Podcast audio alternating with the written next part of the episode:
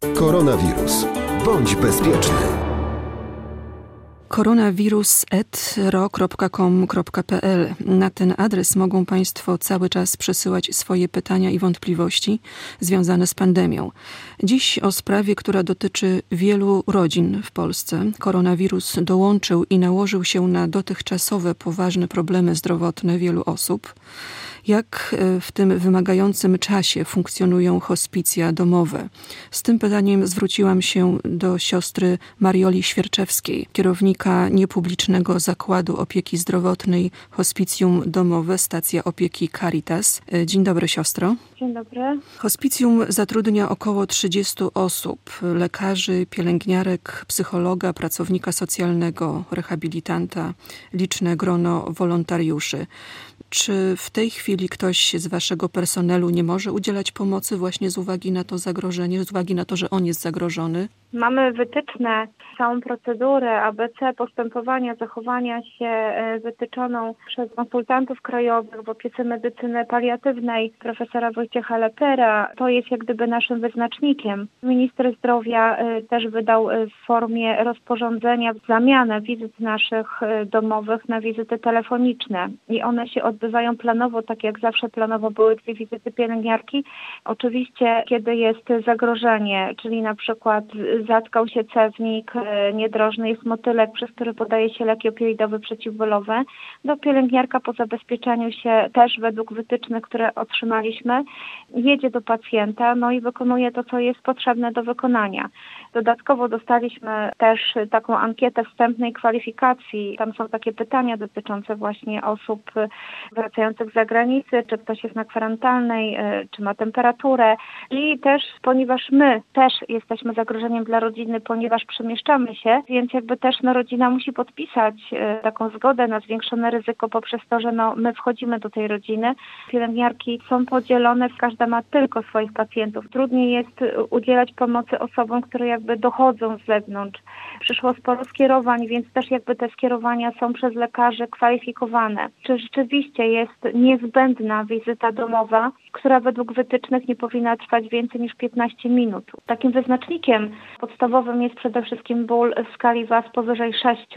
I wczoraj na przykład też taka wizyta się odbyła. Tylko tutaj jest taka bardzo sumienna weryfikacja. Lekarze dzwonią sami y, i czasami rodziny, no, wychodząc naprzeciw tej sytuacji, jakoś mówią, radzimy sobie teraz. No właśnie, a e, no, jak jest z tym radzeniem, mieć... siostro? Jak sobie radzą? I też psychicznie? Psychicznie to musiałby y, psycholog nasz się odezwać, który też ma pełne ręce roboty, bo wykonuje kilkanaście telefonów dziennie tak, ja y, mam swoich podopiecznych y, dzieciaczki. Cieszę się, że u naszych dzieci jest ok. Mamy sporo skierowań nowych. To są y, też dzieciaki, niemowlaki, które mają po 2-3 miesiące. Czasami w szpitalu leżały od początku swojego życia. Też szpitale dążą do tego, żeby te dzieci powróciły do domu. Wydaje się, że będą bezpieczniejsze w domu niż w szpitalu. Dlatego też no, przyjmujemy w ciężkich stanach, gdzie potrzebne jest całe oprzyrządowanie. No i jakby tutaj nie zastanawiamy się nad tym, czy sobie sobie rodzice radzą, czy nie, tylko no jedziemy na tą wizytę wstępną, bo wypożyczamy i pulsoksymetry, i, i cewniki, i ssaki, tlen i ten pierwszy raz musimy mieć kontakt z, z, dzieckiem, z rodziną, żeby wiedzieć w ogóle z kim rozmawiamy i o kim rozmawiamy, tak? Nawet jeśli później te telefoniczne mają być wizyty. Czy dotykają Was y, i w jakiej skali y, braki w wyposażeniu? Na chwilę obecną y, opatrzność Boża Czuwa specjalnie dużo pieniążków jeszcze nie wydałam. Środki do dezynfekcji udało nam się kupić, więc je mamy. Środki ochronne typu fartuch, rękawiczki, maseczki też mamy. Z Urzędu Wojewódzkiego Zarządzania Kryzysem dostaliśmy troszeczkę tydzień temu. Ja powiem szczerze, uruchomiłam swoje stare znajomości w sensie takim, że wykorzystałam to, że kiedyś pani prezydent u nas była, pierwsza dama. Poprosiłam o wsparcie. E, tego samego dnia był telefon, na drugi dzień otrzymałam paczuszkę. Też e, fundacje różne się zgłaszają, czy nie potrzebujemy takie te zwykłe maski. No czujemy takie wsparcie. Na chwilę obecną te środki są zabezpieczone. Ilu chorych macie Państwo teraz pod swoją opieką? Mniej więcej tak obsługujemy 250 do 300 osób miesięcznie. Jeszcze mamy wentylację mechaniczną, i w Suwałkach, i w Ełku, w Korszach mamy filię, jeszcze mamy pacjentów wentylowanych. W momencie, kiedy jest już czas na wymianę rurki trachostomijnej, to też jakby to nie może zaczekać. Hospicjów jest naprawdę dużo i, i, i duży procent. W każdym większym mieście albo i mniejszym jest przynajmniej jedno hospicjum.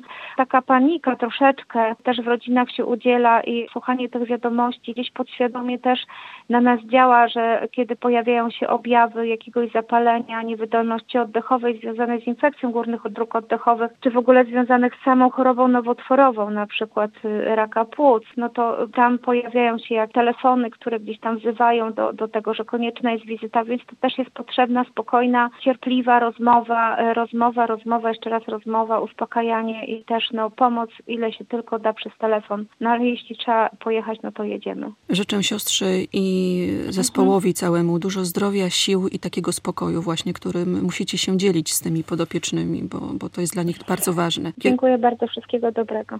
Moim gościem była siostra Mariola Świerczewska, kierownik niepublicznego Zakładu Opieki Zdrowotnej Hospicjum Domowego Stacja Opieki Caritas w Olsztynie. Dziękuję. Koronawirus. Bądź bezpieczny.